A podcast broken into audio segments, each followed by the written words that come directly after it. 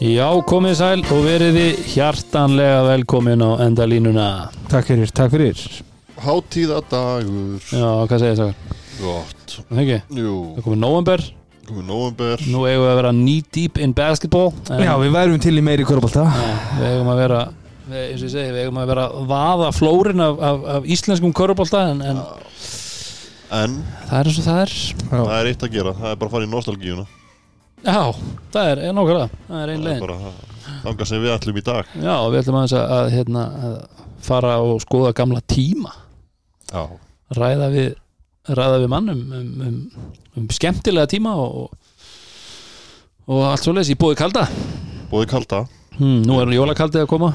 Við erum já, hann er komin í Vestlanir Já, Og ekki bara í vinnbúðir nei, Við fengið léttan Bara í í kjörbúð. Þínu uppáhaldsvestlun Já, þínu uppáhalds kjörbúð Það er- Þetta er að fá, já, Lítur að vera til í krambúðinni? Ég myndi halda það.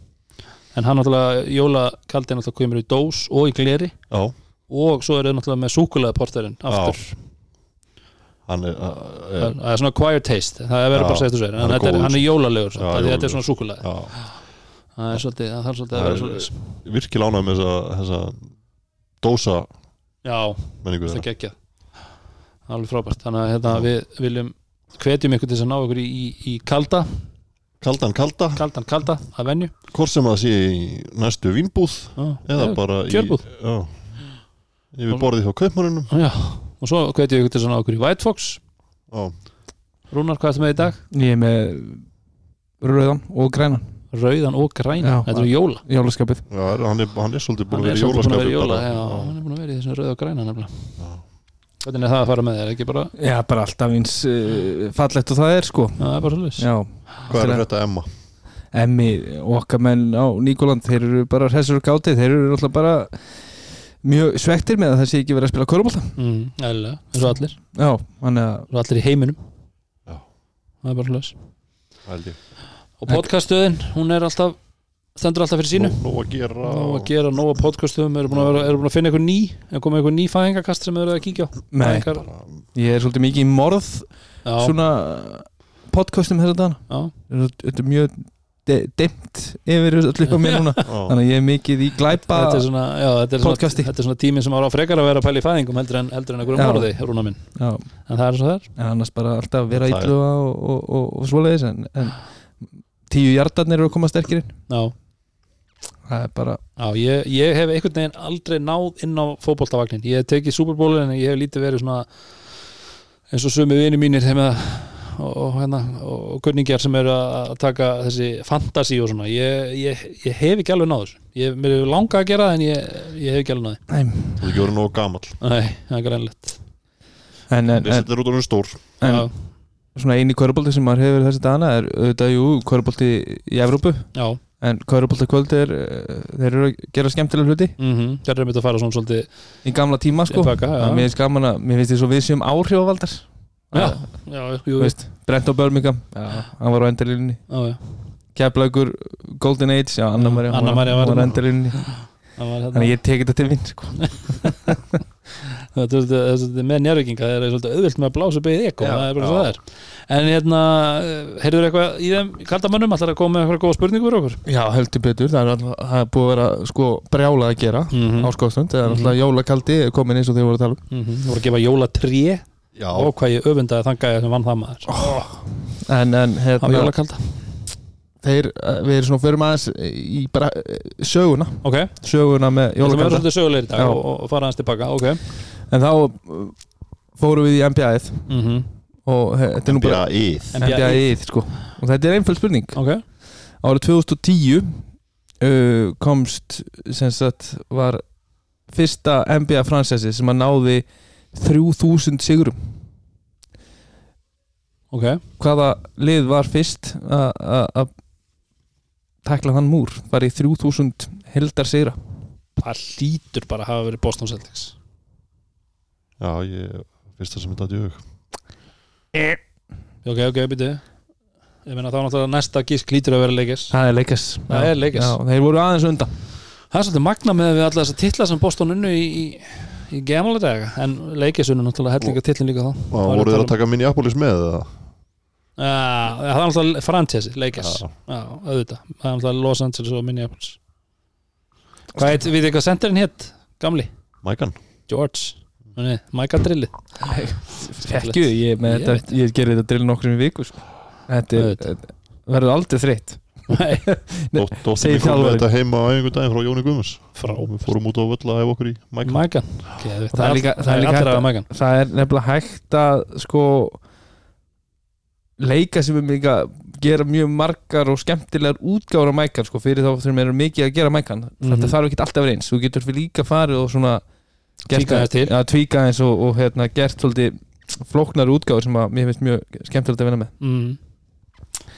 en, en, en ég var með eini viðbót. Búðlega, já, við erum alltaf til til spurningur þetta var bara ein, ein, ein létti viðbót út af því þið voru giska á Boston. Ég er bara gisk, já, ok. Uh, Brad Stevens 2013 þá tók hann við Boston Celtics. Mm -hmm.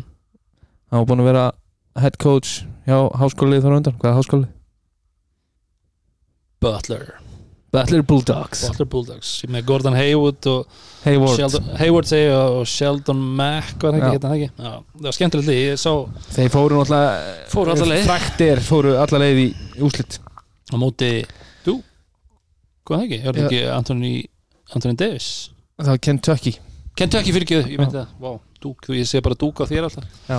ég er í dúkurinn. Dúkurinn Herðu, en við ætlum að hérna uh, slá á þráðan til, til Ameríku og nánar tiltekið West Coast Seattle. West Coast, Seattle og Washington fylki. Já, þar er hérna uh, eru frólægt að heyra svona með þessum kostningum og svona er alltaf þessi Já, við erum það það erum sko. alveg að fara að ræða það. En allir það, það klárist einhvern tímann svona? Ja, það hlýtur að klárast bara núna næstu dögum. Það það. Yfir helgina.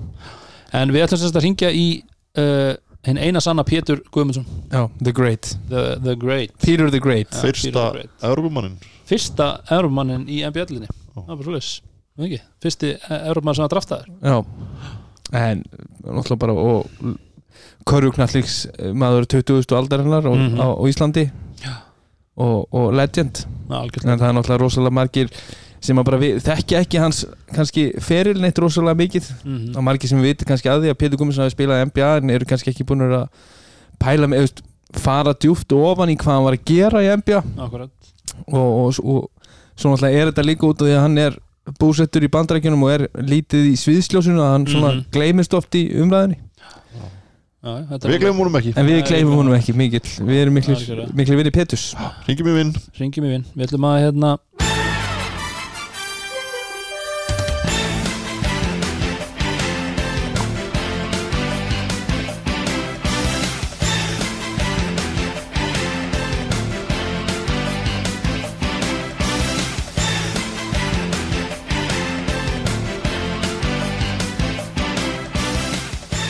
Erðu, uh, Pétur Guðmundsson, verður hjertalega velkomin á endalínuna Takk fyrir það. Hvað segir hvernig er, hvernig er hérna stemningin í, í Washington núna í þessu, þessu forseta brjála, það er, er hvernig er ekkert að telja það nefnir ykkur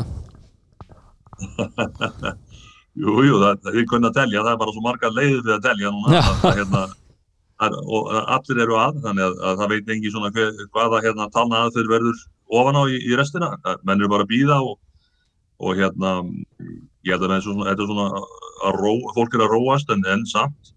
Við alltaf erum bláttfylki og höfum alltaf verið bláttfylki, sko, þannig að, að demokrater eru löngu búin að ganga frá sínu og við, þannig að við, við sitjum hérna bara og horfum á alla hérna sem að ganga frá sínu. Þannig að og þú, Það er, hérna, þú, jú, ert jú, í, var mikið, mikið spenna í þessu. þú ert í Washington fylki, Þú veist að fylgi, já. já, þannig að þú ert eh, bara í Seattle eða hvað Já, ég, er svona rétt, ég, ég bý á síðan svæðinu, sko, ég bý rétt fyrir utan og þess að þess að ekki í borginni, mm -hmm. en hérna, mikið, mikið búið að ganga á hérna í, í borginni í suman alltaf, við erum búin að vera í fréttonum uh, á, á svona Portland út á svona eins Mm eins og látum og, og svona, uh, ég, hvað við segja, bara mótmælum og, og óeirðum og þess að þar, þannig að það hefur ímyndilegt verið að ske hérna og uh, þetta er búið að vera viðbörðaríkt sumar og, og ár. já, það er óvægt að segja það þetta eru, þetta eru, eru sérstakki tíma sem við lifum á í dag það eru stælvar hennu Það er það. Herðu, en hérna, við ætlum að pæla hans í hérna, kauruboltaferlinum þínum. Nú, hérna, uh, hvenar svona byrjaði þú í kaurubolta, hvernig uh, var þetta bara eitthvað sem að uh, strax frá upphafi ljóst að, að þú verið korfbaltamæður Nei, það var það ekki sko. Ég, hérna, ég var alltaf stór fætt, fætti stór og, og var alltaf stærri en, en jafnaldrar og, og hérna það var svona uh, á endanum var það úr uh, uh, það var ástæðan fyrir að ég svona fór í, í körfbólta sko. en, en ég byrjaði ég er alltaf að spila fótbólta með, með jafnaldrunum og sem fór ég að æfa handbólta átt, átt ára gammal og það var nú svona líka út á stærðinni ég, ég var tóttur skotharður þannig að ég fekk að vera með út á því. Mm, og hérna það var, fór að æfa með val ég átti nú heima og ólst upp reyndar í svona frekar í framara hverjunu heldur en, heldur en valskverjunu en, en uh, allir vininir hérna í, í skólanum voru valsarar þannig að ég fór með þeim og, og þegar ég var sem sagt uh, 13 ára að þá kom hérna unlíka uh, það er ekki verið fjórðaflokks þjálfarinn í, í val Siggi Helga heitir hann, hann er, hann er stór, stór kall líka að hann kom og, og, og dróð mig og vildi endilega kom, fá mig sem í körubóltan og prófa, prófa æfingu. Ég hafði vissi, svona, ég hafði prófa körubóltan svona bara að leika með kunni náttúrulega ekkert en, en hérna ég segi, 13 ára var ég orðin held ég ef ég maður rétt, ég er svona kringum 1.95 ég maður það, ég, ég var svona cirka 1.95 þegar ég ferndist, þannig að það er svona það, það er um það lítið sem ég byrjaði í körubóltan já, og hérna, já þú getur ímdað þess að fermingamyndi var þess að hópurinn og ég síðan sátum bara einn haus fyrir ofan allir hérna, þannig að það var ég en, en hérna, já síðan uh, ég alltaf fekk áhuga strax á korfbóltana því að það, þetta, Siggi alltaf stór, hann vi- vissi þetta, kunni að, að, að hérna, spila á það, að, að þetta væri íþrótt fyrir stóra mann mhm, og gerði alltaf allt, allt fyrir mig mhm, til þess að, að mér, geng, mér gengi vel og þetta gengi upp með mér þannig að, að stöttu eftir það og þá ákvað ég svona, ég held að vera einu tvei mann að setja ég spilaði bæði handbólt og korfbólt saman í, í svona tvö ár. Mm, en það er eiginlega ekki hægt sko, þetta eru það ólíkar íþróttir að, að hérna að ég ákvað, ég held allir ekki verið 15 ára þá ákvað ég að hætta. Þá var, ég, þá var búið að velja mig úlíka landslið í körfunni og, og svona maður svona uh, fór að, að, sjá það að þetta væri sennilega framtíðin. Já, þannig, þannig byrjaði þetta svona já en þú ferð þarna uh, 1977 eða ekki til, til Washington í, í háskóla var, Það var 1975 nú 75, ok, það stendur allavega samkvæmt Wikipedia var það 77 Hann fyrir high school fyrst eða ekki? En, eh, ég, ég byrjaði, jú, fór í þess að uh, ég hitti þess að uh, hérna, ameríska háskólaþjálfaran hérna 74 Mm. og hann spurði mig hvort ég hefði áhuga þá var ég með, sem sagt, ég var í ungalandsins hóknum þá og við mættum á svona nam, þjálfara námskeið og hann bauð mér þá að ef ég hefði áhuga hann skildi svona hafa samband við fólki í vandaríkjunum ef ég hefði áhuga að koma og, og, og fara í skóla, fara í high school og koma og prófa þetta. Mhm, Svo ég held, númerinu og, og, ringdi í hann árið setna, 75 sem sagt, sumarið og þe- þegar ég ringdi að þá skeiði hlutinu fljótt og hérna ég bjóst við að, að, að, að fara og prófa high school eins og, eins og svona menn var að prófa. Gutti Ingimars var einlega fyrstum manni sem að ég svona leið til. Guðstein Ingimarsson var, var ár, ármenningur sem hafði farið sem skiptinemi og spila korfbólta Mm. Og ég svona vildi abættur honum og fó, alltaf að fara í eitt ár en þegar ég mætti á staðina þá kom þjálfarinn og, og hérna hæskú þjálfarinn sko og skoða þetta og sá að ég átti ammali svo senkt á árinu að það var hægt að spila það að, að ég geti sennilega verið í hæskúli í tvö ár.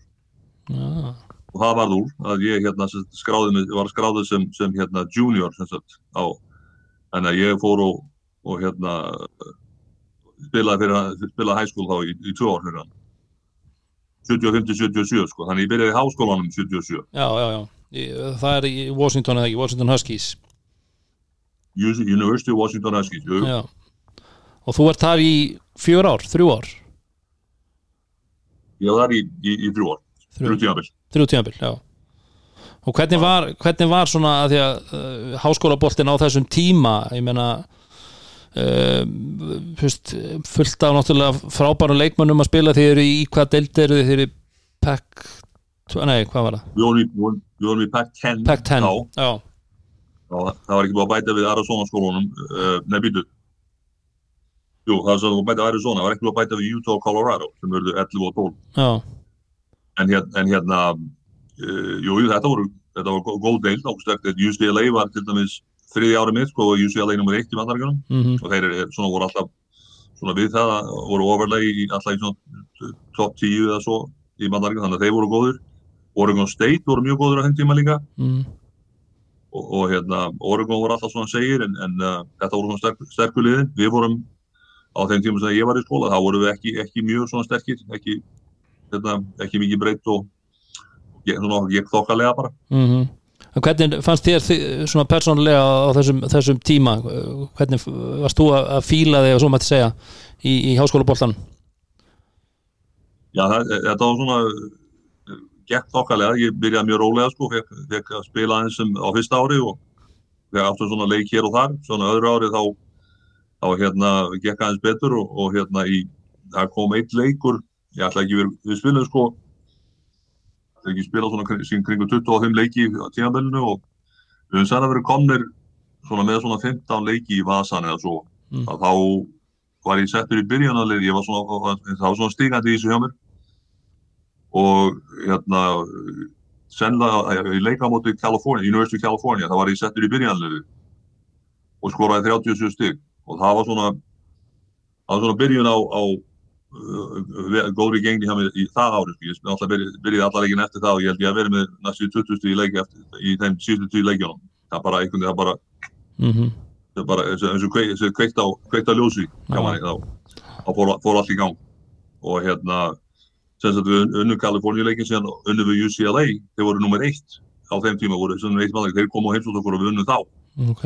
Þannig að við vorum, konum með gott lið einu en, það skrýtna við að sem að sé, ég, ég sé eftir á eins og leikurum minn þróaðist að við vorum sannlega með tvo nextu bakkarana í, bara í bandaríkjum þeir voru rosalega snöggir. Mm. Lorenzo Romar var einn af þeim sem að var síðan þjálfari hjá University of Washington uh, í mörg ár hérna uh, 2001 held ég til já bara í 15 ári eða svo. Mm en þeir voru svo rosalega en þeim var bara skipað að, að lappa boltan föllu svo ég geti komið fyrir undir körfinu og, og það var að koma boltan á mig en það bara, núna þegar ég horfi ég á ein, einn eða tvo leiki sko á, á teipi sko frá þeim tíma, UCLA leikin Mm.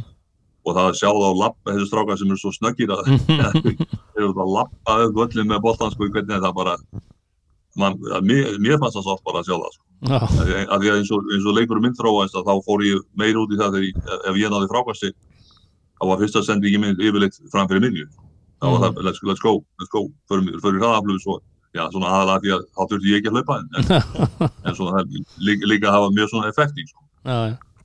En þegar þú ert búin með Ég- þessi þrjú ári í, í háskóla þá er Já. þarna uh, ferðu til Argentínu eða ekki? Eða kom það kom það ekki strax eftir háskóla?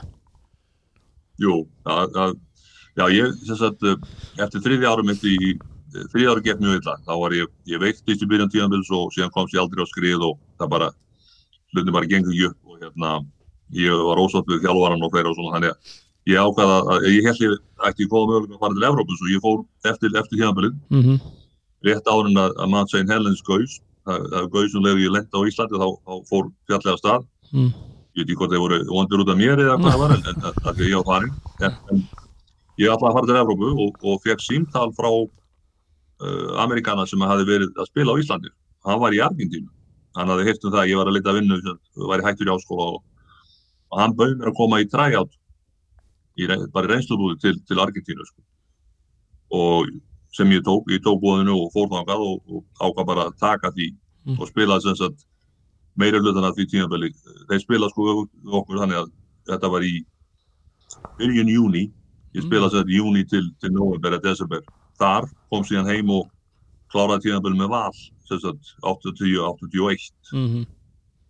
Argentína var fyrst, fyrsta jobbið mitt í, í Bóðanum Já. Og hvernig var eins og að koma heim þú veist eftir, nú ertu búin að vera í sex ár, er það ekki rétt hjá mér? Í, eða sem sagt, fimm ár í Ameríku og svo þetta, þetta ár í Argentínu að koma heim og, og, og spila. Hvernig var, hvernig var boltinn á þessum tíma? Og já, það var, það var gaman að spila. Ég, þetta var, ég var alltaf búin að spila í, svona boltin í Ameríku var, var þá nokkuð mun betri. Það voru, alltaf Amerikanir voru komnir hingað. Mm -hmm. fyrstu Amerikanir, Amerikanir komu einmitt til Íslands árið sem ég fór. Já, þá komu þeir hérna Ro- hvað kall- hérna, var ekki Ji- Jimmy Rogers og síðan Trukkurinn, það er káir að þeir, þeir voru fyrstu tveir Amerikanir sem komu árið sem ég fór 75 mm -hmm. þannig að Ameri, Amerikana, uh, voru komnir inn í boltan þannig að þetta var orðið boltan var orðið betri heldur en það hafði verið þegar ég fór Mm. ég náttúrulega var ekki svona að spila um mestarflokk þegar ég fór sko. en ég, hafði, ég var í þriðaflokk og spilaði með öðru flokk uh, og síðan ég bara var ekkit orðin og góð til að spila með meistarflokk en þá mm þannig að ég fór inn í náttúrulega þegar ég kom heim 81 og, og hérna það var náttúrulega þó nokkuð mikið uh, svona breyting fyrir mig en, en ok, en það er allt í lagi þetta var, það sem ég var, var komin í vinnu, var við borgað fyrir að gera þetta þannig að það var gaman að, gaman alltaf að koma heim gaman að Mhm. spila, spila með val. Ég lendi í skemmtilegu val, valsliði þarna, við unnu byggarinn og það var bara gaman að því. Mm En svo, svo hérna þróast þetta áfram þannig er það þá bara um sumar eða strax eftir tímabili sem að þú ert þá komin aftur og, og gerir þá samningi í NBA eða? Já, það, það vildi þann til að, að ég var eins og hérna, hérna tímabili, ég kláraði tímabili með val og var að æfa með landsliðinu, við vorum að fara í, í hérna, í sjö keppna, Evrópu keppna í, sem átti að vera í Sviss Mhm. og, og var í Sviss. Og ég fekk símtal hérna, var rétt árun að við áttum að fara í þessa keppnisverð það var þess keppnisverð við sem byrjum á, held, ég heldur við byrjaði í Englandi og fórum síðan eh, eða fórum, fórum í, til nokkara landa árum við kláruðum sem sagt ferðina í, í Sviss í, í sékeppni en hérna ég fekk sínda frá Bandaríkjunum. Það var frá framkvæmdastjóra Detroit Pistons. Ah, og hann var þá ný þetta var fyrsta, ég held að það var fyrsta ára hans kannski annað ára hans uh, það sem að hann var framkvæmdastjóri Detroit og hafði verið í Portland þar á undan. Þannig að hann þekkti mig þaðan. Og síndala var sem sagt bara eiginlega að tekka á því hvort ég hefði áhuga að, hvort ég væri ennþá að spila körfbólta mm hvort ég hefði áhuga að vera með í draftinu. Því að í þá daga þá náttúrulega það var meiri svona effort, það var ekki eins margi sem fóru beint úr háskóla set, uh, áður en að fjögur ára voru búin. Og hérna þeir voru bara sín fjögur ára og síðan var, var bara draftið. Mhm. og menn gengu inn í það og, og síðan sjá, sjáum bara hvað hva, hva gerðist, það var átta umferðir held ég, heldur átta draft umferðir. En hvað það, þá sagðist hann hafa áhuga að, hérna, koma og sjá mig spila sjá svona hvað, hvað verið að gera sem er. Og hann kom sem sagt heim til Íslands og, og, og sá okkur spila við finna tvo landsleiki. Og eftir það sem sagt tilkynnta mér það að, að hérna, ég hefði staðið nógu vel þess að þeir myndu taka mig í draftinu hann sagði mér ekkert hvað, í hvað umferð er eitt -hmm. En, en það sem ég náttúrulega hugsaði fyrst á það þá þurfti ég að fá mér umbóðsmann og ég gerði það. Fann einn hérna í Seattle og, og hann sem sagt kom sem sagt, kom allur að stað þannig að, að þeir fóru að leta önnulegu vita og þannig þannig frétti Portland að mér. Ah, og önnur lið líka sko, en Portland ákvaða að taka mig sem sagt í þriðjum umferð og ég, ég frétti að því bara uh, ég held að verið klukkan 5 morgunin eftir draftið 5 að mótni heim á Íslandi þá ringdi vinnu minn hérna í Seattle og, og tilkynnti mig það að ég hef verið valinn af Portland sem kom mér algjörlega óvart þeir eru aldrei þálega við mig já, ok það var bara þessi maður frá Detroit sem hafi komið og séð og sagt að hann ætla að taka mig í draftinu Mm. síðan já, þá voru þeir greinlega að hugsa, bara að fela mig og taka mig einhvern tímann svona setna já, já, já. 50, 70, 70 umhverf sko. Að- en þannig endaði ég hjá Portland og þeir, við létum þá að vita sem sagt, að ég væri komin inn í draftið aftur að ég væri ennþá að spila korfbalt og þó ég hefði hægt í skólanum og farið farið frá Seattle. Mm þannig að, já að þetta er- hérna eh, þeir tókum í draftinu og buðu mér í, í æfingabúðunar, ný, nýlega búðunar Mhm.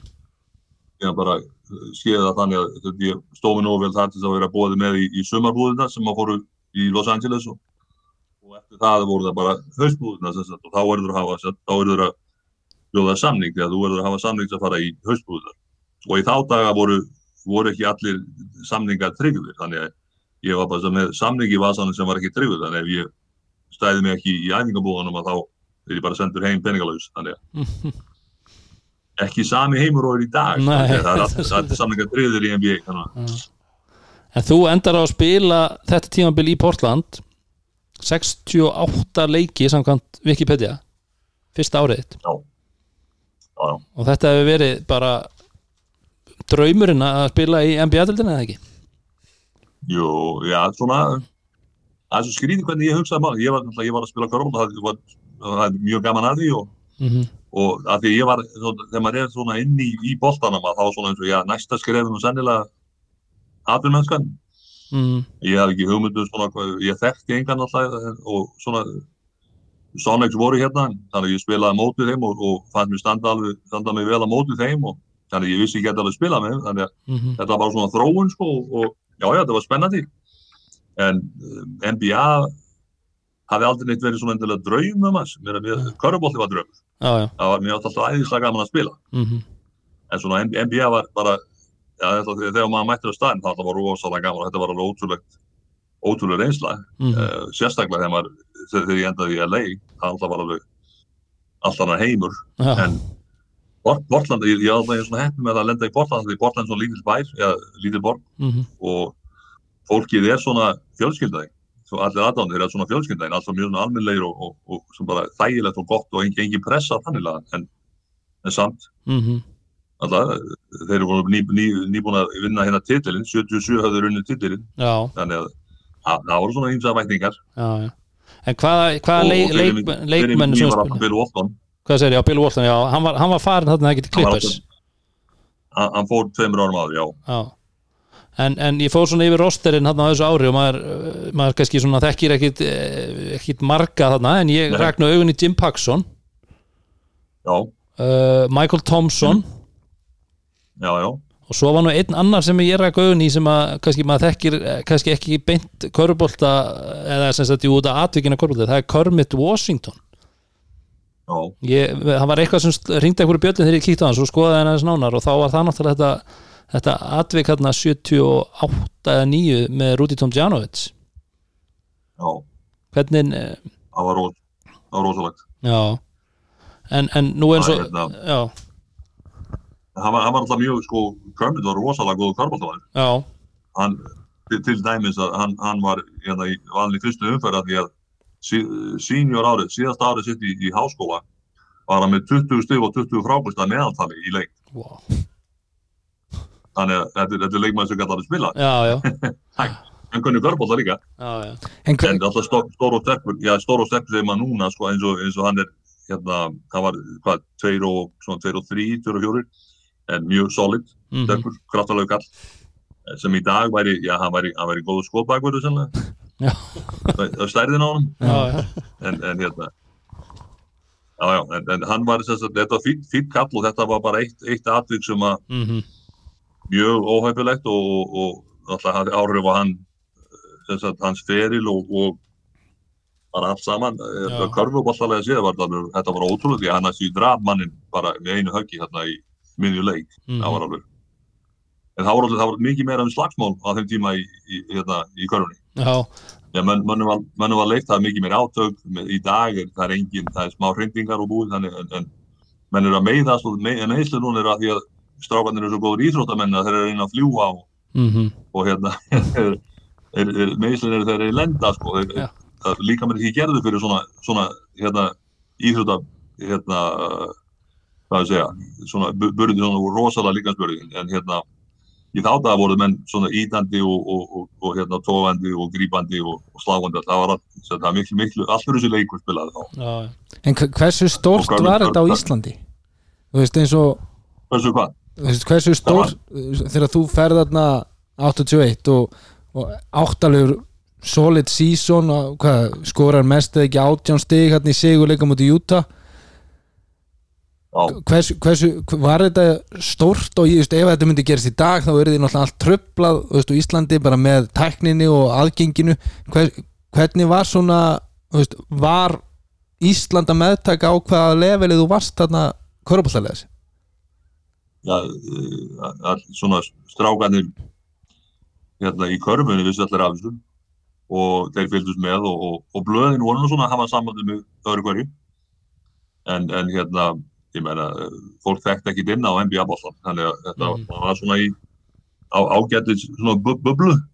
Ég var í bólu þarna bara í friði þannig að þetta var ágætt þannig.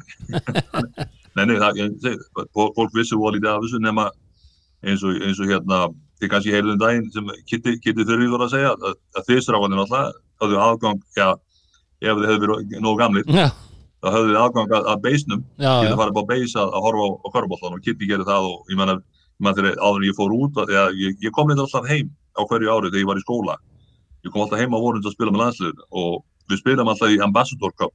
Það var þess að landsliðið á móti úrvalsliði hérna Hermannana Mm þannig að við fengum alltaf að fara á beis í, í steik og bjór já, þannig að það var rosalega gaman árna, árna bjórun kom til Íslands. En, en hérna það var svo að þar gáttu þeir, sem við þetta svona aðgang að, að korfubólta í gegnum í gegnum, uh, já var ekki, var ekki komið, alltaf ekki komið kapall en það var, lofniti virkaði hjá ykkur upp á, upp á beisin þannig að þið gáttu horta á ameríska ameríska sjónvarpið en þar fyrir utan í Reykjavík og náttúrulega út á landi sko, NBA-bólni var bara já, þið vi- vistu kannski af honum en, en vissu ekki hvað það var. Nei. og svo náttúrulega fyrir mig uh, stærsta stærsta skrefið á sig eða, mestu áhrifin sem að hafa á mig var náttúrulega það að NBA náttúrulega var á þeim tíma eina viðkenda atvinnudildin í heiminum. Mm og um leið, um leið og ég komst í lið uh, ég held að, já, um leið ég komst í lið þá var samningur um eins og þess virkur. Að þá var ég ólögluðu með landsliðinu. -hmm. þannig að 23 ára var ég ólögluðu með landsliðinu. Búin, búin með landsliðsferil það var svona sárafta fyrir mig að því við vorum konum með virkilega skemmtilegan hóp í, í körfunni að, hérna, á þeim tíma. Mm Já. við vorum alveg frábært lið og höfðum hérna, klárað sékeppna í, í, í, í Sviss, það reyndar ekki undir riðlinn sem við öðrum, við áttum að gera það en, en liðið var bara uppleið og við vorum alveg bara rosalega bara skemmtilegur hópur og, og bara gott lið þannig að -hmm. að vera, vera tekin út úr dæminu þarna að- og ég var ekki, ég átt á langt frá því að, að vera komin á, upp á mitt besta þannig Mhm. það var svona sárast að við, við ég, svona, ég, hvað við segja, það er sárt að, að það skildi fylgja því að ná svona rosalega árangri að, að- vera tekin út úr landsinsmyndinni FIBA náttúrulega bara viðkynnt ekki, ekki atvinnum en til að spila með á þeim tíma. nei, nei. En svo eftir þetta ár í Portland þá uh, kemur heim er það ekki í er Jú, það er svolítið svona skrítið hvernig það gerist að Já. ég fór alltaf aftur í, í haustbúðuna með Portland að, að þeir vildi ekki, þeir vildi ekki hérna reka mig, þeir vildi ekki segja upp samlingum, þeir vildi frekar ég færi til Evrópu og fengi að spila þar á fullu, spila meira mm -hmm. og síðan getur þeir fengið mér setna aftur og sagt áttu samningi þannig að ég fór og ég fór eftir því og var ekki með góðan umbóðsmann sem að hefði kannski, það er rétt að náttúrulega hefði verið að þeir eru alltaf láta mig fara því að það kom í ljós setna að það fullt af öðrum liðin sem vildi fá mig Mhm. í NBA en, en ég fór til Evrópu, komst ekki í lið þar og alltaf alltaf að reyna, reyna aftur þar svona, kannski ég fór til Ítalíu og hérna ég held að það hefði verið alveg garanterað, átt að vera örugt frá Portland en það var það ekki. En í þá daga sko þá var Evrópa ekki, ekki svona jafn örugt og það er núna Mhm. en ég fór til Ísland og alltaf býða þar og, og bara fekk tilbúð frá, frá hérna IR og kom og spila með þeim þeir voru með ameríska þjálfara þeim tíma Jim Dooley sem var mjög skemmtilega kall og við unnum vel saman þannig ég ákvað að taka því búði bara og, og spila með IR það ári sem sagt. og það er mjög gaman af og, og hérna það er mikið gott af því ég virkilega komst inn í inn í liftingar á þeim tíma og, og hérna bætti mig mikið á, á, þeim, á því sviði Mhm. það, það var svona skemmt, skemmtilegt reynsla að gera það. Og fór, svo, eftir það fór ég síðan aftur til Portland og, og hérna þá ge- gengur hlutinir ekki alveg enn og aftur það gekk ekki alveg upp með þá þeir sendum mig til sagt eh, til Detroit, Detroit hafði ennþá áhuga. Mhm. og þeir, þeir fengum við sagt í, í, í skiptum, ég veit ekki alveg hvað, skiptin voru en það var eitthvað eitthvað lítið, en, ég sem sagt, þannig ég endaði í æfingabúðum með Detroit haustun uh, 83 Já, var það með Lane Beer og, og Isaiah Thomas og þeim. Bad Boys. Þessum setna urðu bad boys. Þeir voru bara good boys þeir, voru- nei, þeir voru það nú ekki. En, þeir voru ekki orðnir ekki, ekki endalega sem sagt, grúpan sem að þeir þetta vanta- vantaði Rodman, það vantaði Mahorn uh, þeir voru ekki komnir. já En þú kemur þá aftur til IR eða ekki þá næsta ára eftir? Sem þjálfari eða hvað? Já, síðan, já, ég, ég komst, en, ég- en ég komst ekki í leik hjá Detroit og Mhm. ég, ég var átt með meðsli þetta var, var alltaf svona meira og minna meðsli ég var meittur alltaf árið með Portland og svo við fórum í búðuna með já, há, hásinn sem var alltaf að há mér. Mm. svo fór ég í Detroit og þá var ég með háslita hásinn þar líka og, og haltraði í gegnum búðuna en tókst ekki komast í lið. Var látið fara og þá, þá rauk ég til sem sagt uh, Evrópa aftur og allar er að komast í lið en, en, en hérna endaði síðan með, með hérna IR Mhm. en það skilst um þjálfæri og leikmaður Já, og, og hérna kláraði það tímabil og það var bara mjög skemmtilegur hópu, það var gaman að, gaman að því Mhm. skemmtilegur reynsla Mhm. og hérna eftir það og þá þetta, ég fór ég aftur bandaríkjum ég var svona alltaf með hugan við að reyna þetta alltaf aftur og aftur Mhm. þannig að 84 sem sagt, hvað er við- 83 er ekki? Jú, það var sem sagt aftur Já, uh, 83 til 84 þjálfari og svo sumarið 84, já. Já, 84 þá fór ég í sumarbúðir og, var þá, ég held, ég, að þessi sumar sem ég fór í búðir með Clippers. Mm. og, og hérna áður, þá, þá, var, þá var fyrsta árið sem að það ske- skemmtilega aðtík þar að ég, ég fjall á, á, á hérna physical, á lækningsskoðunni mm. þeir fundu eitthvað í, í hrygnum að mér sem að þeir sögðu að þú verður að hætta að spila. Annars bara geti eitthvað alvarlegt skeð. Þá er ég, ég með eitthvað fylla í með eins og margir eru með svona ég, ég er með eitthvað í, í, í hrygnu sem að var leit óeðlilega út og þeir sögðu bara að hætta að spila og ég hætti, hætti að spila körfbólta Mm. í tvo daga. Byrjaði svo. Eins og menn gera. Byrjaði svo aftur en, en rauk, til, rauk til Fraklands og og fór til Fraklands og Ítalíu var í træjátt þar og endaði það tímabil í Englandi 84 og 5 Sunderland. Og hérna sagt, eftir það þá var ég svona orðin svona hálfreittur og sagði ok, ég ætla að reyna þetta einu sinni en það er að fara í NBA og þá fór ég haustið 85 fór ég fór ég í CBA sem er league hérna sko, alltaf að halda mig bara í bandaríkjum fór ég fór til Tampa Bay, mm byrjaði þar og og þjálfarinn þar alltaf bara að halda mig á bekknum sko og svo ég sagði nei, ég, meina, ég, ég ætla ekki að spila hérna í league. Ég ætla var, fyrst og fremst var ég ólöglegur af því að þeir gef ekki vinnuleifi hérna í Ameríkunni eða ert í- í league. Mm. þá ertu ekki, ekki ef þú ert í NBA þá var það að þú ert er special. Já, en ég var ekki með vinnuleif þannig að ég var bara að spila hana sem ólöglegur hérna, innflytjandi. Mm. og ég, ég sagði þjálfana bara um, um mitt tíma fyrir sko, ef þú ætlar ekki að spila mig, eh, sendi mig eitthvað annað svo hann sendi mig til Kansas City og það tók svona, ég fekk svona aðeins, fekk að spila aðeins meira þar en sem betur fyrir að þá hafði þjálfarinn svona meira álít á mig þar og, og það, tók að reyndar allt tímabilið því að í síðasta, rétt fyrir síðasta leikin sem við spilum á St. Patrick's Day Mm. uh, klukkan nýja á vodni meira að segja, af því að það var að klára leiki svo að skrúkvönguna getur verið komið á barina. Gest og allt það á, þann daginn. En klukkan, hann sagði mér það fyrir leikin að, að hann hefði þykir símtal frá leikers þeir voru að leita að, að hérna, uh, leikmanni í staðin fyrir Mitch Kupchak sem hafði meðist Kupchak var það að varamaður hérna, Abdul Jabbar. Mm.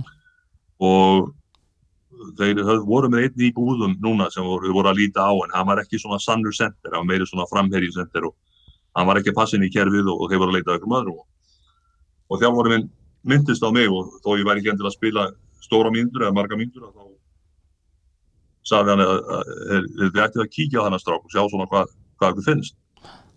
Og hérna þeir sendu aðstofþjálfaran, hann kom og horfði á leikinn. Og CBA reglurna voru þá þannig að, að hérna, eins og í NBA þá færið sex villur og, og annars eru aðra reglur svona svipað Mm. nema hvað að, að, að þú, þú ef þú færið sex villur að þá getur þú samt verið inn á í leiknum. Þeir þurfi ekki að taka þið út af því að ef þú færið sjö, sjö, sjö, hérna, villuna þá er bara, þá færið hitlið bara, þetta er eins og tæknivilli, þá færið tvö skot og þeir fá boltan en þú færið að vera áfram inn á vellu þannig að ég endaði þann leik með ef ég maður rétt í átta villur. Og en, en, en ég gerði það sem ég ætla, hérna, kunni að gera og, og, og nýtti mig vel þegar ég fór til leiklis og það var sem ég setti bara skrín eins og villu maður og ég held ég að fráknust og skora eitthvað smá eins og en, en, en þetta var það sem þeir voru að leita að þess að Mm. í nokkra mínútur inn á vellinum að meðan Kareem væri að setja kvíla sig Mm.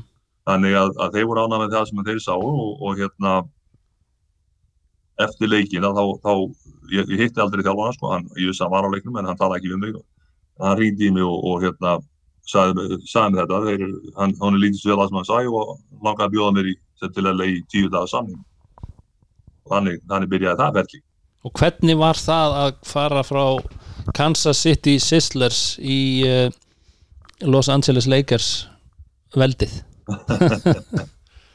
Það, það, það var ekki nokkur leið að lýsa því náttúrulega því að maður var orðin svona heldur peningalítill og, og svona fann þetta aldrei örvænta því ég, var búin að panta hann er búin að panta þar heim. Ég ætla eins og ég var, ég var ekki með vinnuleifi Mhm. og það var búið að skipa mér að að hætta að vinna hérna, ólöglega. Ég var, alltaf, ég var að fá borgað það var lítill peningur alltaf í CBA þarna Mm.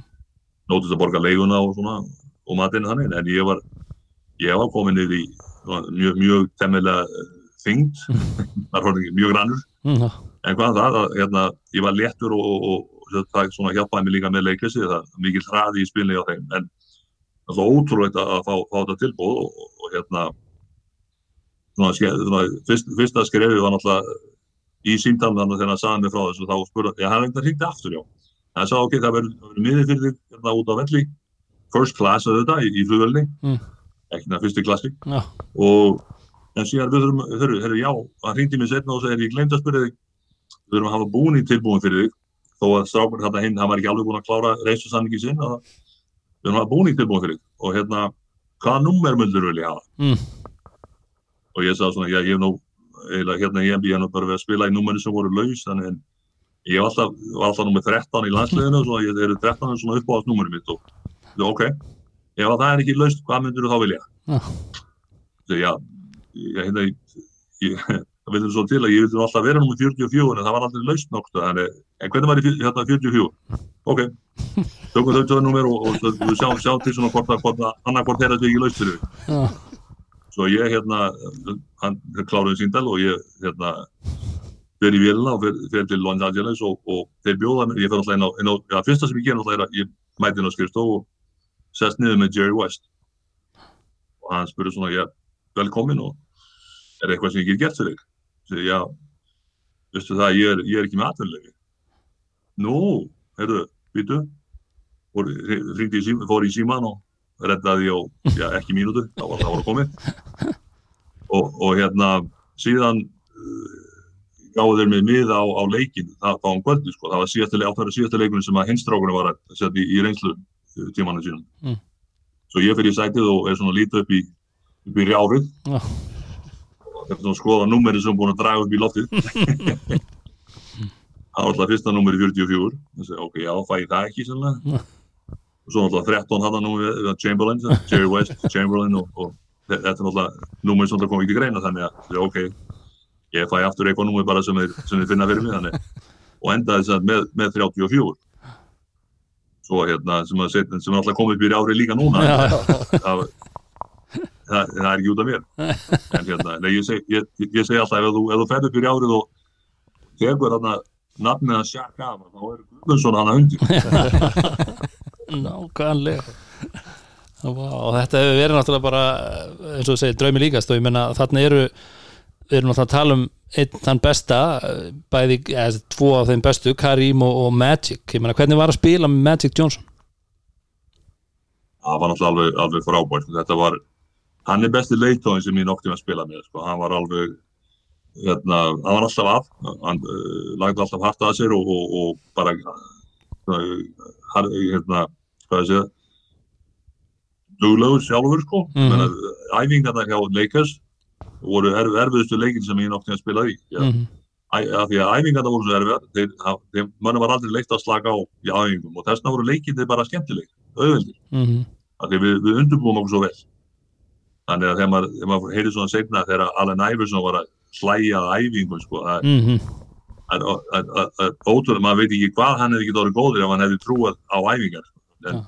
það var svona menn sem- eins og hann sem að gera allt sjálfur sko. hann var ekki svona liðsmaður sko. -hmm. en Magic og, og allir hinn hjá leikir, þetta var, þetta var þetta showtime liðið sem var kallað það voru ekki bara þeir tveir alltaf Kareem og, og, hérna, Magic að Worthy og, og Cooper og, Rambo og, og Byron Scott þetta voru allt frábæri leikmenn Mm þannig að eins og ég segi svona að, að þegar ég fekk loks að spila að hérna það mátti ekki sko ég, ég var alltaf einn á einn þannig ég, ég gekk alveg þokkalega einn á einn á móti svona á móti flestum sendurum því að það er ekki séns að þeir gáttu skilu hinn eftir opna þannig að það var aldrei, ég, var, ég rendi aldrei á móti tveimur, það var aldrei doppeltíma á mig þannig að ég var alltaf einn á einn þannig að ég gekk alltaf þokkalega svona uh, í sóknir þess vegna -hmm. en þetta voru allt frábæri leikmenni uh, og, og að spila með þeim og æfa með þeim var alveg ótrúlega reynsla Mhm. Já, skal og, allt, allt, allt lífi, lífi í kring og bara skipula í kringum þetta- lið sko bara á þeim tíma. Það var bara sko alveg ótrúlega og hérna svona svona skemmtileg, skemmtilegasta atviki hjá mér var að já, fyrsti leikur sem ég spilaði var hérna mótið San Antonio. Alltaf ekki verið svona ég er sennilega verið þarna, búin að vera þarna í svona fjóra-fimm leiki sko, hafði ekki fengið að spila og allt í hennu var, var kallað í mig og, og hérna, að ég Kareem lendi í smá villumandram í, í fyrsta leikluta. Mm. En það var sagt á, á Óskarsveluna nóttinni, eða kvöldinu mm. þannig að það vantaði svona helmingin þegar þeir, voru allir á hérna, í, í Hollywood, Já. það voru á Hollywood stjórnum sko. Var- þannig að Jack Nicholson var ekki á staðnum en, en hann var, var á öllum hinnuleikjum en, en ég man alltaf, fyrsti leikurinn með, með leikjum svo að Oscars Night sagt 86 Mm. Þetta hefur verið og þetta, þetta, þetta stjörnu þú veist, allt svona sem að maður svona hefur ímyndað sér og, og náttúrulega sé myndir og lesið og annað eins ég meina þ- þetta var, þetta var showtime þú veist, það var, eins og þú segir, það var Hollywood var hann í kringu og, og, og Magic alveg flottastur og allt þetta þetta voru sko, já sjótami var svo alltaf auðvitað, því að það var svo gaman að horfa á það og, mm -hmm. menn voru alltaf að tala um ekki að þetta, þetta lið er, þetta, þetta, er- þetta er ekki nema bara hraðin og tæknin og alltaf en, en, en svo ef, ef þú lendir á æfingum með það þá, þá er alltaf komst af öðru það var til, til dæmis að, að, að hérna, AC Green var rúki, rúki það árið mm. og síðan komu hérna, já, Mitch Kupchak var svona að reyna að komast inn í þetta aftur og þannig að við vorum yfirleitt, ég var alltaf á aukaæfingun alltaf og bæði fyriræfingar og, og eftiræfingar og við byrjum á því nokkuð snemma að, að eftiræfingar, þetta var alltaf sent á tímabölinu þannig að liðið var ekki æfa stíft mm. mjög mikið, það kom, kom kannski 60-70, þá komni 60-70 leikir í bókan Mm þannig að menn voru svona bara að fara yfir tækniadir og þess áttar en, en við náttúrulega, ég þurfti að komast inn í kerfi og þurfti að spila og allt þetta þannig að við spilum alltaf 2 og 2 eftir á, það var ég og AC á móti Kurt Rambis og Mitch Kupchak Mm. og það var bara, bara blóður sko.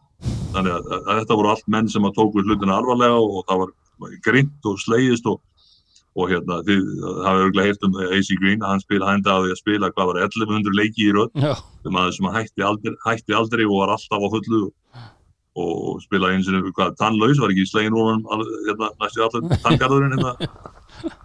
og hérna, hann átti ekki að spila en hann vildi ekki, vildi ekki sem sagt, slíta hérna, þessu, þessari keðju sem hann var komið með í gangana. Mm en, en þetta var lið sem að spilaði mjög, mjög fysikal og þeir bara kunnu að gera það og, og gera leikið skemmtilega á sama tíma. -hmm. Hérna austuströndin á þeim tíma alltaf voru Bad Boys og, og, og Boston og þeir voru mikið svona uh, alltaf fyrir utan börnin alltaf börnin var rosalega skemmtilegur en þetta var mikið meiri harka hjá þeim og maður sá mikið meiri slagsmáli Mm leikins voru bara meiri svona smooth og, og þetta var svona það var alveg mikið harka en bara þeir öðru vísu og það var svo mikið Magic er þetta svo skemmtilegt, það var alltaf brosandi það var, mann sá alltaf Magic. -hmm. sá alltaf brosið í honum þannig að ja, þetta, þetta er bara gaman hjá þeim, þetta er bara sjóta þetta er ekki, er ekki, ekki hörku bolti ja. En það var það nefnilega það var alveg jafn harður og þessna unnur alltaf. þeir voru meistara árið sem ég kom því meður þá tókst okkur ekki að verja tillilinn en -hmm. þeir voru meistara og síðan unnur þeir aftur tvö ári röð eftir það. Þannig að Mhm. þetta var alveg á þenn tíma. Mm Þið farið myndi þarna, þetta ár í gegnum úrslutakefna taplausir fyrstu tvær umferðnar og svo er Western Conference Finals á móti Houston. Það er ekki rétt að mér. Hvað hérna, og það, það fjögur eitt fyrir Houston. Við unnum fyrsta leikin og fjórum minútur Já, og það var, það var grimt. Það var æðislega grimt og hérna Houston bara voru með Twin Towers og með Ralph Samson og, og Hakim og Mhm. Lajuan og þeir hérna fengu bara árið eftir og það er fyrsta sem að dómarinn við höfum alltaf með dómarafundi sko í byrjun tíma þá voru svona að fara yfir, já við ætlum að kannski að tólka reglur aðeins öðruvísi núna sko, breyta þessu, þeir meiri svona samvinna þar. Mm já, ég myndi dómar á leikmann og þjálfara og þeir sögðu okkur svona, ég vil að svona aðeins að tólka þetta öðru, sem við gerum við fyrra og svona og ekki leifa meira hérna og minna hérna og svona. En þá sögðu okkur að við gerðum mistök í úrslutunum að, að við leiðum Hakim að spila alltaf mikið svæði, þetta var fyrir, fyrir reglubreitinguna sem að leiðu svæði já. Það var engin svæði sem var leið það í þá daga. Mm en Hakim fekk að spila svæði. Þannig að Samson dekkaði Green og, og síðan kom Hakim bara aðvíðan og hann blokkaði húkskotið bara aftur og aftur og, og hann, uh, hann fekk að spila svolítið ólöglega en, en, en fyrir utan þann alltaf þá var Hakim alltaf óstöðvandi. Hann var með yfir 40 steg að meðaltali í þeirri seri Já. hann var algjörlega óstöðvandi. En spil, að hann var, hann var svona uh, spiluðu þið aldrei Mm. saman inn á þá í þessari seríu, þú og Karim? Í, í síðasta leiknum. Við vorum inn að það var ekki nema tvær eða þrjá mínútur. Það- við vorum tvund ári jú. Já, það var, það, það var komin að ég var þá já, neðist á hendi þarna í, í, í Houston á skothendinni þannig að var, svona, var ekki alveg 100% en, en uh, ég veit ekki alveg hvort það verið þessna sem ég kann ekki að spila meira en, en, en við, jú, við vorum saman inn í- ég held að það verið 2-3 mínútur. Já og það hefur það hefur gengið eða hvað? Já, ég þannig að, ég meina eins og segi, hvorur okkar gætt stoppa Hakim, hann var alveg bara mm algjörð skrýmsli þannig að hann gætt verið þannig þegar hann var í stuði. Já. Við bara réðum ekkert við hann en svo eftir, eftir þetta ár 86, þannig að uh, sumar 86, var, var, varst að koma aftur til leikis, var það inn í myndinni eða hvernig, hvernig þróaðist það allt saman? Já, setti, ég hafði sami við það út það tíðanbili og síðan eftir það tíðanbili þá buðu þeir með tveggja ára samning Mm sem ég, sem ég tók. Þannig að ég fekk tveggja ára samning við þá og, og hérna mætti jæfingabúðunar um haustið og byrjaði á því að, að, að hérna að rífa rífa hérna brjóski í bakinu á fyrsta, fyrsta æfingandi í jæfingabúðunum. Þannig að það var endurinn á, á, á þeim verli. Og hérna fór náttúrulega í uppskurð og var í, var í endurhæfingu allan veturinn og á síð, síðasta deginum síð, sem var leitt að að hérna skipta á leikmannum að þá var ég seldur til, til San Antonio. Leikmennir voru að reyna alls konar eh, hérna þeir vildi fá Michael Thompson. Michael Thompson hafi komið til San Antonio bara þá um sumari, Mhm. vildi ekkit verið í San Antonio en Lakers heldur að þeir getur notað hann og, og hérna reyndu allt sem þeir gátt að fá hann en vildu, sögðu mér allan þeir vildi ekki, ekki gefa mig í, í, hérna í þe þeim skiptum en, en San Antonio, að ég hefði staðin svo vel á mútið San Antonio voru áður bæði í, fyrsta, í leiknum á tímanbölinu og síðan í úrslutunum -hmm.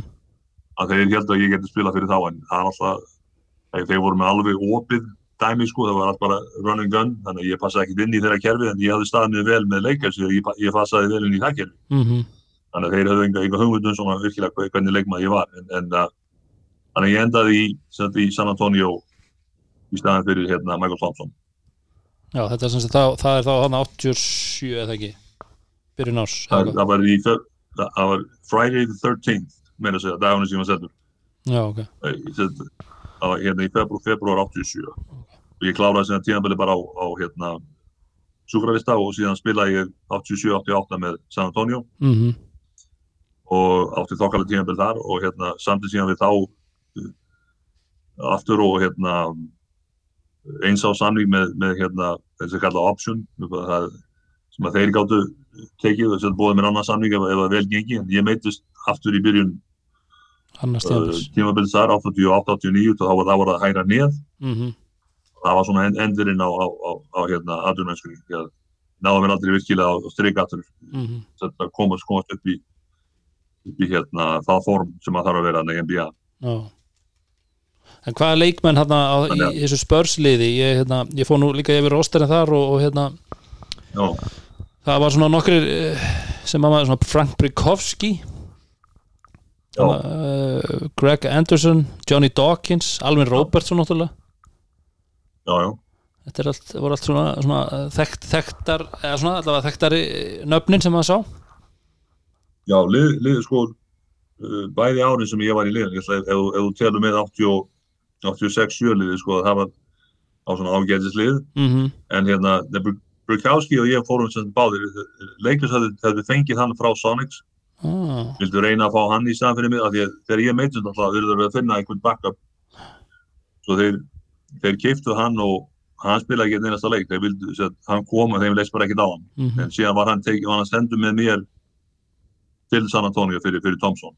Og hann blómstraði alveg í, í San Antonio. -hmm. Alvin Robertson alltaf var í Olympi ég var ekki í Olympílinni Jú, var ekki. það 84 Jú, með Jordan. Og rosalega skemmtileg. Hann kom meira til Íslands með mér hérna, tók þátt í sömabúðum hérna heim á Íslandi. Mm -hmm. sumarið 88 held ég að verið þannig að hann, hann er Íslandsvinnur mikill. Mm -hmm. en hérna Johnny Dawkins, jú, hann, hann var alltaf stjarnar og það hafði verið mikið stjarnar í, í Duke, ég held að sé ennþá stegæðistir leikmaður all, all time í, í Duke. Mm og hérna og síðan voru, já, Cadillac Greg Anderson, hann var góður rookie og, og, og hérna hann átti eitt eða tvö góð ár en, en hérna já, já, það var svona eins og skemmtilegi karakterar Mhm. en liðin hafði aldrei vel saman og, og við vorum ekki, ekki með gott lið en, en árið eftir að ég sagt var látið fara, því að út á meðslanum þá var ég látið fara og þá, þá bara hérna keiftuði nýtt lið því að þá kom aðmýraldin, Já. kom inn 89 þá snýruðu við Mhm. en uh, eins og ég 80, 80, voru 89, ég sett 88-89 tímabili, það var síðan tímabili mitt í NBA Mhm. Og þar var nú einn, einn rúki sem að ég er einmitt ræk augun í sem kom til ykkar kom til Spurs þarna þetta ár. Vernon Maxwell. Það var, já, já, Mad Max, var hann ekki svolítið svona léttur að því? jú, þeir voru skemmt, þeir komaði tveir. Willie, Willie Anderson og hann þeir Já. voru báði og þeir voru áttu báði mjög gott, þeir voru mjög skemmtilegir. Mm -hmm. ja, Vern og svona, eh, hann var karakter líka. Hann vandræðum í eins og stöðum. Stökk upp í stúku einhvern tímann og eitthvað já, já, já, það var nú líka annar rúkki sá Það- ég þarna sem er mitt með Íslands tengingu eins og þú sagði, það var Anthony Bowie hann kom hérna til Keflavíkur einhvern sá Já, hann það? já, hann kom hérna með Otis hann heiti Otis Smith þegar voru í Orlando. Hann kom með hérna eitthvað, vinnabæjar ok, gaman að því. Já, já, ok. En Já, já. þá eftir þetta eh, þetta hérna, þarna 89 uh, hvað hva svo, þú veist, eins og þú segir þú veist þarna, fyrir hnið og, og, og hvað svo?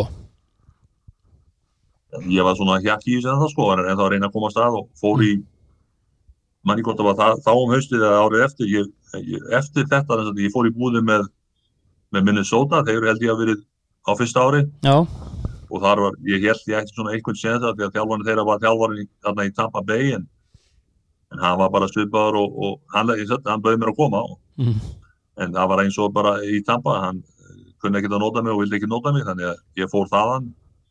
Uh, síðan ég man ekki hvað ég endaði eftir það en, en, hérna, ég, ég held ég hef ekki spilað ég, ég held ég hef ekki spilað það árið.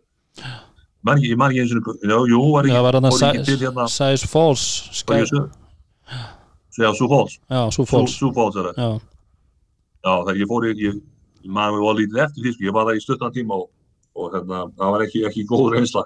Nei, bara einhvern veginn, líka með var ekki að svona að, að ekki góð, nýða var ekki gott og ég var ekki, ekki í, í góðu formi sko en, en uh, ég átti, einu búðunar eftir það sem ég fór í satt, ég fór til fór til hérna Philadelphia. Fór í camp með, með, með Manute Bol og, og Barkley og þessum görum. Ú, og þeir voru með á þeim tíma sko, þetta, á þeim tíma voru liðin bara með 12 manna hérna, um, leikmannalista og það voru ekki eins og núna núna eru þeir með 15 manna, þeir eru með 12 manna lista og síðan 30 manna svo sjúkralista mm það kom miklu, miklu setna sko, eins og, eins og Jón Arnótt, hann lendi á, á, var á þessum sjúkralista eða, ferramannlista eða hvað það vilja kalla það -hmm. en það var ekki til í þá dag þannig að þegar ég kom inn í, inn í Philadelphia æfingabúðin ég vissi að því að, að 12 leikmann að það voru 13 með, með triða samninga Mm. þannig að ég átti ekki, ekki svona mikið séns að komast í lið en ég vildi samt uh, svona fara og reyna það og, og fór og en enn og aftur var ég, var ég meittur þegar ég kom inn í, inn í búðuna þá hafði ég í, í, í, við æfingar. Þannig að meðisli voru alltaf að, að svona, grípa inn í fyrir hjá mér. En, en hvað það, ég komst ekki lið og, og hérna en ég endaði, ég endaði á króknum. Fór á sögurkrókinu og var þar sett í tvö, skemmtilega ár. Það var nú eitthvað við fengum nú eitthvað um það að það var eitthvað skemmtileg saga þegar, þegar þú hérna samdir við þá, var það eitthvað ekki, ég veit nú ekki hvað sögur þú tala um. Þetta það var náttúrulega en auðvitað var náttúrulega langsótt sko. Að hérna, ég held ég að verið á Spáni sko þegar ég var eitthvað að remba sig að koma lið á Spáni held ég og fekk síndalið þá frá króknum. Og, og hérna það eru skemmtilega náttúrulega skemmtilega umræðu þar. Mhm. En, en uh, það varð úr að ég, ég, ég samdi við þá. Mm og hvernig fannst þér að koma í Og- íslensku deildina þarna, þetta mörgum árum setna og þú náttúrulega búin að búin að hérna, fara og spila með Magic og Karim og, og, vera svo komin í tindastól 1990, hvernig fannst þér deildin og, og allt þetta, var, var mikill munur? Þá meina ég semst frá því síðastur og spilaðir. Já, rosalega, mikla framfæri, ekki spurningu það. Mm -hmm. það var, það var leikmenninni voru alltaf voru, voru miklu, miklu betri og það var, það var virkilega gaman að spila. Mm en fyrir mig alltaf var það alltaf, það var alltaf það sama sko, ég var að hérna, ég lendi alltaf í því að það var að hérna, ég var eiginlega of stór. Að hérna, við, að hérna, það var er, erfitt fyrir mig en svona, ég, ég bjóst við því og síðan hérna, maður var alltaf að fá svona uh, villur og þess aftar að því að það er miklu meiri harka í, á þeim level sem ég hafði verið að spila þannig að ég var að, að læra að komast, nið, komast niður með það og minka það saman og fara meira svona í, í, í fína spilið og svona en, en, en leikmenni tæknin alltaf við höfum alltaf verið með rosalega skittur á Íslandi það, og þið þekki það alltaf vel, Suðunessjónum já, hver, hvergi betri skittunum þar en, en hérna, leikunum bara orðið hraður og skemmtilegur, það var bara gaman að því.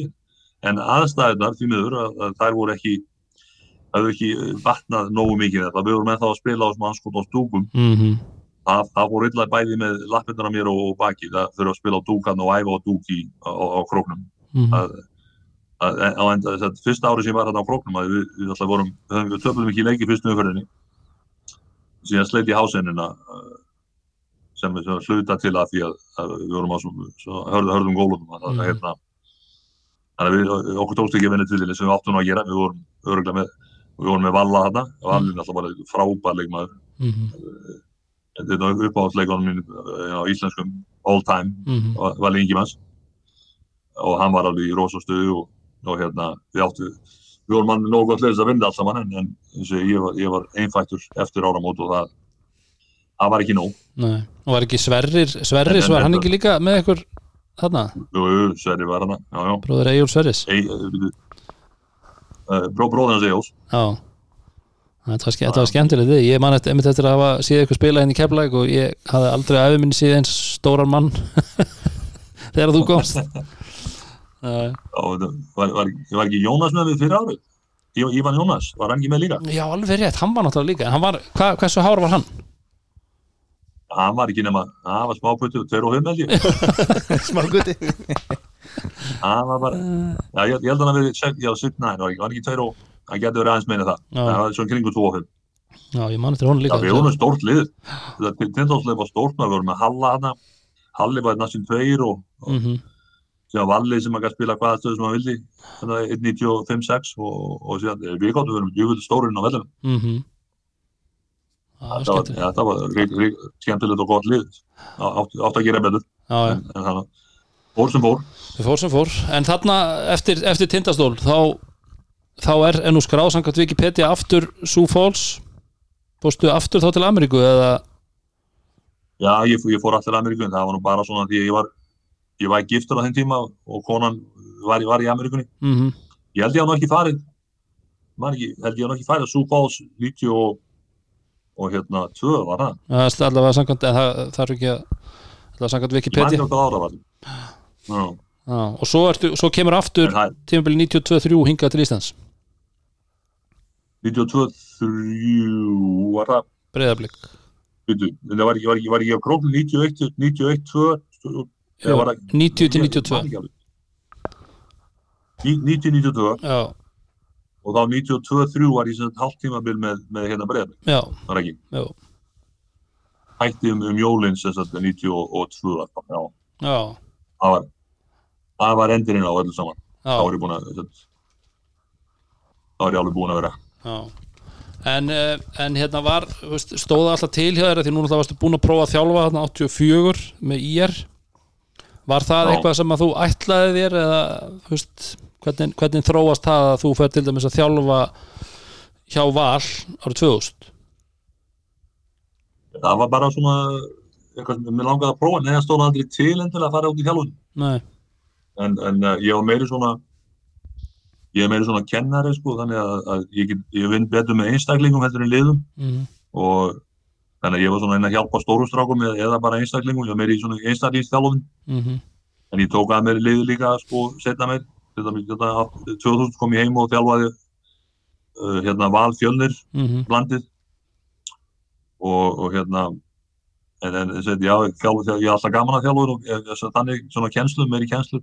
Mm, tók svona lið með, með í það en, en uh, nei, það var aldrei neitt uh, hjá, hjá mér var það aldrei svona framtíðin að, að vera þjálfari. Það er bara, ég er bara gaman, alltaf gaman að korfbóltanum og, og gaman að kenna mm Mhm. einstakling. Já.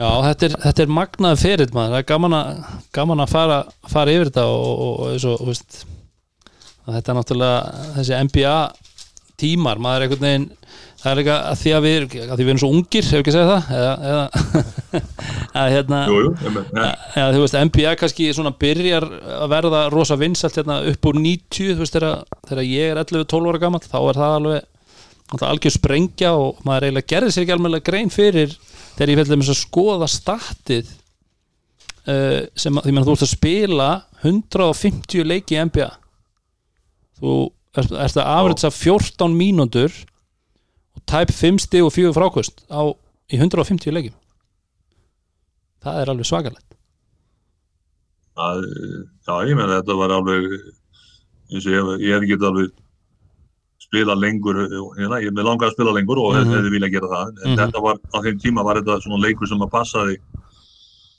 passaði, já ég ætti kannski að segja það en Hm.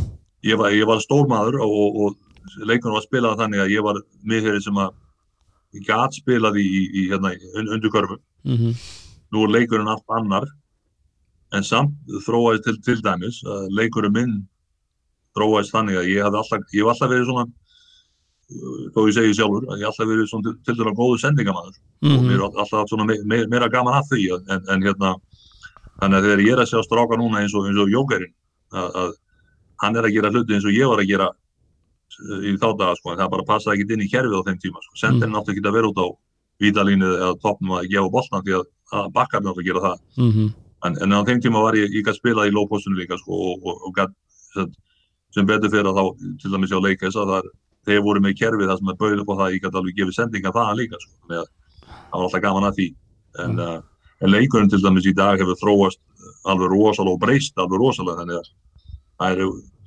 núna er- ertu er, er, er, spes að þú kannt eitthvað að gera í hérna, undir körfu, í lópostinu mhm, og það er, þú sér menni svo Jordan alltaf var, hann var mjög góður það þar undir hverju og LeBron hefur lært það að þegar hann fer sér down, down low að, að það er ekstra mhm, nú, er, það- nú snýst þetta svo mikið um þristana og, og, og síðan tróðslur það er svona lítið þar inn á milli. Mhm, en, en le- leikurinn á þeim tíma var, var þetta, það voru þetta, big man og, og, og alltaf, sjótam alltaf rosalega gaman að því að þeir, þeir keirðu praðan mhm, en uh, Boston var líka svona mi- mikið á þeim sem spiluðu svipa bolta þeir líka. Eins og mhm, maður er að sjá núna sko ég veit ekki hvort þið virkið hvort þið séu Boston aðdáðundur en, en, en það er alltaf verið að setja eitthvað nýtt um börn, börnin á netið alltaf sína hvað, hvað hann var, hvað hann var frábær svona klippur og highlights og hann var alveg rosalegur. Hann var ótrúlega hvað hann gæti gert.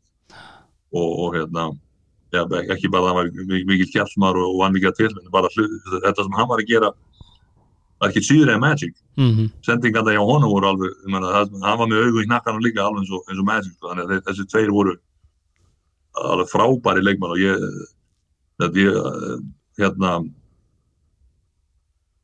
held alltaf í, í, í minningarnar að hafa spilað með og á móti þeim, mhm, það, það var alveg, alveg rosalegur heiður bara að fá að vera með þeim á, á vellinum. Mhm. Og hérna, auðvitað, ég spila ekki nú mikið á móti Jordan þess að geta svona sagt mikið um það en ég sá mikið til Bird og spila, spila móti honum í nokkra leiki alltaf, alltaf æfði með, með Magic og Kareem á, á, hverju degi þannig að þetta eru, þetta eru minningarnar alveg rosalega skemmt, skemmtilegar og, og, og hérna, að gleymi því aldrei Mhm, að hérna, þetta er öðru, öðruvísi, allt öðruvísi leikur sem það var þá en núna eru, eins og ég sagði ráðan að, að hérna, það sem að strákandir er að gera í dag sko, í, íþróttalega séð, það er Mhm. alveg ótrúlegt. Mhm, menn þeir eru eins og hérna mann þetta tróðsleikefni sem hann hérna Dwight, Dwight Howard vann þegar hann var super, í Superman-búninu menna, strá, strákur upp á 2 og 10 er að, að stó- hoppa frá vítalínu og bara að fljúa og að því að, að því að náði ekki að komast að hringnum að þá hent hann boltan bara niður, hann var svo hátt uppi að hann gæti hent honum niður og ofan í körfuna. Þó hann væri þetta tvei, tvei metru frá körfunu já, menn þetta er bara, þetta er bara hluti sem var var skilur ekki sko. mhm. sérstaklega svona jarðbundi maður eins og ég nákvæmlega En Já. hva, hvað hérna hvað ertu að gera í dag? Ertu að gera eitthvað í tengslum við Körubolta núna? Nei, ég er ekki, ekki tengdur körbóltan lengur. Ég er bara sem sagt, uh, já, nema einu, einu tengslum við körbóltan er það að hérna, hann góði vinnu minn Ágúst hérna Björgvinsson í, í, í, hérna, í, í Val, Mhm, að hann hérna er að safna mikið af Portland myndum og, og ég er svona að hjálpa honum að koma því heim. en það, það, að því hann er Portland aðdáðan, sko, þá er ég að sjá alltaf nýjar og nýjar myndir af, af Clyde Drexler, hann, hann heldur svo ekki på Drexler. Já, það er svona ein- einu bara fyrir það að ég horfa á hann. Þegar þegar það tækir færi býðst en, en ég er hættur að þjálfa og, og hérna, aðra ég get ekkert spilað sjálfur sko, ég er hann slæ, slæmur í baki að það, það er ég, ég, ég, ég, æfi ekki neitt svoleið sko, þannig að en uh, hann er nú það sko hmm. Mhm. en ég, maður reynir að fylgjast með það er gaman, gaman að sjá, það er alltaf gaman að sjá strákana Íslingar sem að fara til Evrópu og er að gera góða hluti já, Martin og, og, og Tryggvi og, og hérna núna þess að Jag er Jón Guðmundsson og það er gaman að sjá hvað þessi strákar fara og mm það er mjög, ég er mjög spennt fyrir að sjá hvað, hvað ég gera, hvað, hvernig gengur hjá þeim. Þetta voru spennandi að sjá svona hvað er orðinn góður heima og hvað strákarnir eru að fá uh, góð tækifæri úti. -hmm. Fylgist þið eitthvað með íslenska boltanum svona að jafnaði?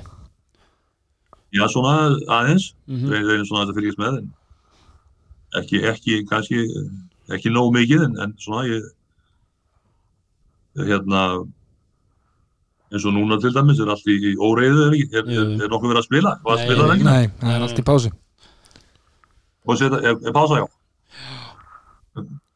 Já. Þetta er alltaf, þetta er búið að vera alltaf skrítið fyrir alltaf.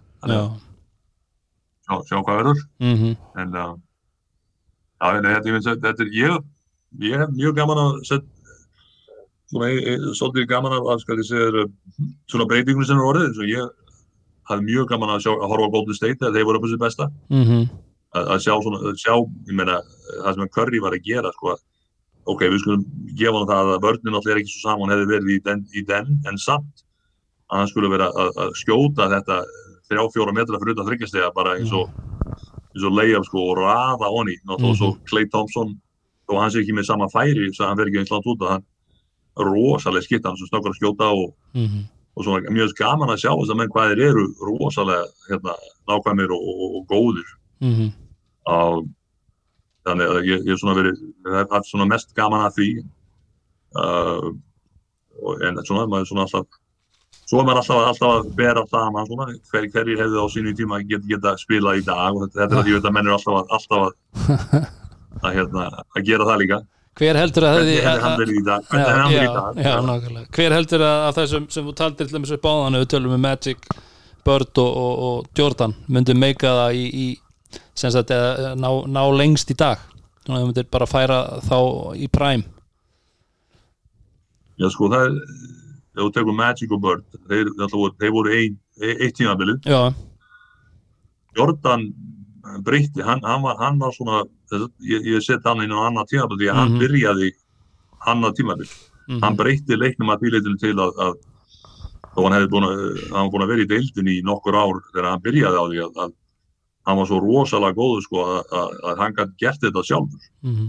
Magic og Bird voru með góða svona menn með sér og þau kunnu að nota þá og gáttu alltaf, alltaf nýtt þá og gett þá betri. Mm Jordan var bara sko, ok, hann, hann standið ykkur og hann var nú uh, alltaf komið rosalega góðan hóp hann í kringu sig með, með Pippen og, og þeir alltaf Rodman var að spila með, með hérna Grant og, og Cartwright og, og skiptunan alltaf, hvað sem það var Paxson eða, eða Kerr eða hvað það var, hann var alltaf með svona góða menn, en -hmm. hann gæti alltaf sagt sko, ok, hann, fjóð, þegar fjóðu leikin sem kom, stráka við ætlum að vinna. -hmm. Ég ætla að vinna leikin, hann akkur komið með mér eða þið farið bara frá. -hmm. Uh, þú sást hann alltaf ekki á, uh, á nýjunda áratögnum að það, það var bara liðið sem hann vann og, og, og, og betra liðið vann en Jordan svona, hann var það, það góður að hann, og gætt breytt leiknum að hann fikk að gera hlutina svona einn sko. hann, hann gætt unni leikin einn og þá síðan kom Kobe og, -hmm. og Allen Iverson alltaf með sama hugafara þeir gerði þetta það var svona þeir, þeir, þeir breytti leiknum þannig laga til en, ég, en þessi strákar geta alveg spila í dag Já. Iverson og, og, og hérna uh, náttúrulega Jordan og, og, og hérna og Kobe hefði alveg geta verið það líka en, en, uh, samt Magic og Bird að þeir voru svo þeir voru svo klá, klárið og þeir hefði alveg geta spila í dag líka sko. -hmm. en ef ef þetta, þetta liða móti liði uh, eins og le, leikjæsliði sko, þeir eru alltaf ja, þeir, þetta voru góð lið -hmm. Boston og, og leikjæs á þessum tíma þeir, þeir geta alveg spila í dag og þeir myndu er auðvitað að segja hvort þeir myndu vinna alla en, en, en þeir, þeir geta alveg staðið í þessum mannum sko. Já, þetta voru góður íþáttamenn og leikurinn var bara öðru þessi já, en ég meina, lið sem að með, með Rambis og, og Kareem og Worthy móti, og Magic og, og Byron þetta er, ágætt, ágættist fimm að hana byrjunarlið. Já. Það er ekki að liða Já, heyrðu, Pétur, þetta var alveg virkilega gaman að fara yfir þetta með þér og hérna og bara þakka þér fyrir aftur að gefa þér tíma til þess að, að, hérna, spjalla við okkur. Já, sömulegis, já, gaman að þessu. Já, gaman að þessu. Já, Við vonum bara að, hérna, að, koma, fara að koma einhverjar, einhverjar loka tölur í þessar kostningar hana Það kemur að því. Já, En þá, ég held að maður, maður svona vona að verði að fari að gangi rólega sem, sem rólega stifir skulle segja Það Já. gangi rólega. Já, nákvæmlega. Já. Herðu, en takk ok, aðeins að sé bara já, það takk og hafa það gott ráði Já, sömulegis unnur. Bye bye. Farið þið varlega? Ok, bye bye Sömuleiðis, bye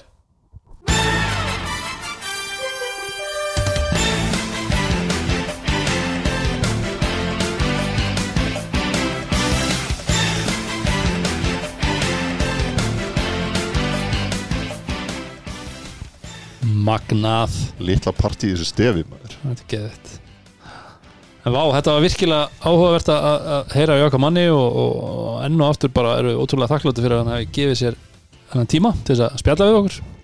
Vakna snemma. Hann Já, er, hann er átta tímum á, á, á, Átta tímum á eftir okkur. Já eftir okkur nákvæmlega. Já.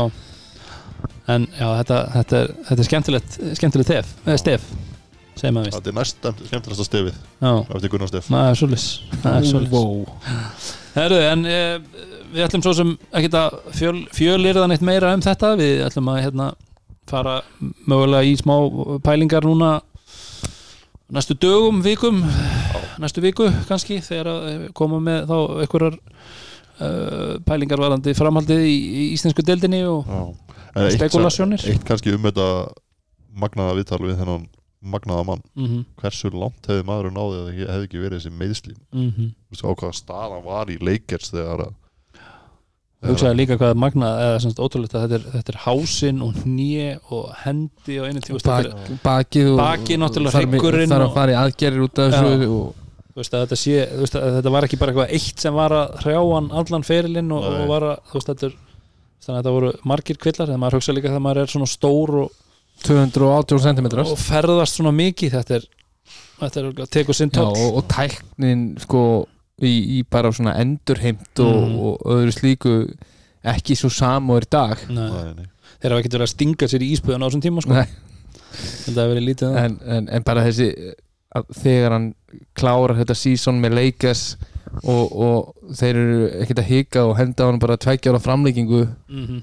Að ef hann, það hefði verið ótrúlegt held ég bara fyrir íslenska körbóltasögu að sjá hvað hefði gerst ef hann hefði ekki þetta meðist já í, og ef hann í hefði verið og þú sér það að þessi tekjar og samningur er leikisur meistari bæði ár sko. Ef hann hefði verið NBA meistari í veist, tvö ár þetta hefði verið þetta magna þetta var, hann var ótrúlega góður leikmaður, það er bara það og breytti þessum liðum kannski hann, við, hann kom ekkert mikið inn á þetta en, en þegar þú lest um hann og, skoðar svona tölfræðina og, Mhm. og hvað liðin voru að gera hérna á Íslandi mm svo hann fer í IR og tindastól uh, að þá er hann að taka lið sem eru bara að geta ekki neitt lið sem eru mjög ofta, hann er ofta að koma inn svona kannski setni part af tímanbili -hmm. eða þegar tímanbili byrjað og lið kannski neðst jafnvel búið að vinna einn af sex eða eitthvað sjö -hmm. og svo kemur hann inn í liðið og, og, og þeir vinna, þú veist, nýju af síðustu ellu Já, þannig að hann, hann var að taka léleg lið koma inn í kannski slakari liðum í Íslandi mm -hmm. og, og gera þau góð. Magnaður. magnaður, magnaður maður. Herðu, en við hérna eh, náttúrulega með Kalda og, og White Fox og Alltaf. allir glaðir allir gladir og, og við stefnum á að vera komnir aftur uh, jafnvel með, með dropp á, á föstu daginn já, já, Já. Að hérna stefnum á það. Þegar, að- línur eru kannski aðeins farnar að skýrast betur varandi framhaldið mm og, og hvað gerist í, í íslenskum körubólta -hmm. hvernig við getum fara að æfa aftur og, og, og, spila. og spila. Og, og, og hvað, hvað svona er að gerast í leikmannamálum en, en, en það er mikið svona, maður heyrir ímislegt en, en Mhm. það það verður frólt að sjá hvað gerist. Við tölunum um að segja það er nú myndi, ef eitt lið byrjar þá, þá halda það áfram, eða sem sagt þá kemur næsta og næsta. Þetta geti, það er aðeins byrjað það eru tvö lið búin að senda heim. Þannig að við sjáum hvað verður. En uh, annars bara þökkum við fyrir hlustir og, og endum mynda á vanlega nótum. Love this game. Love this game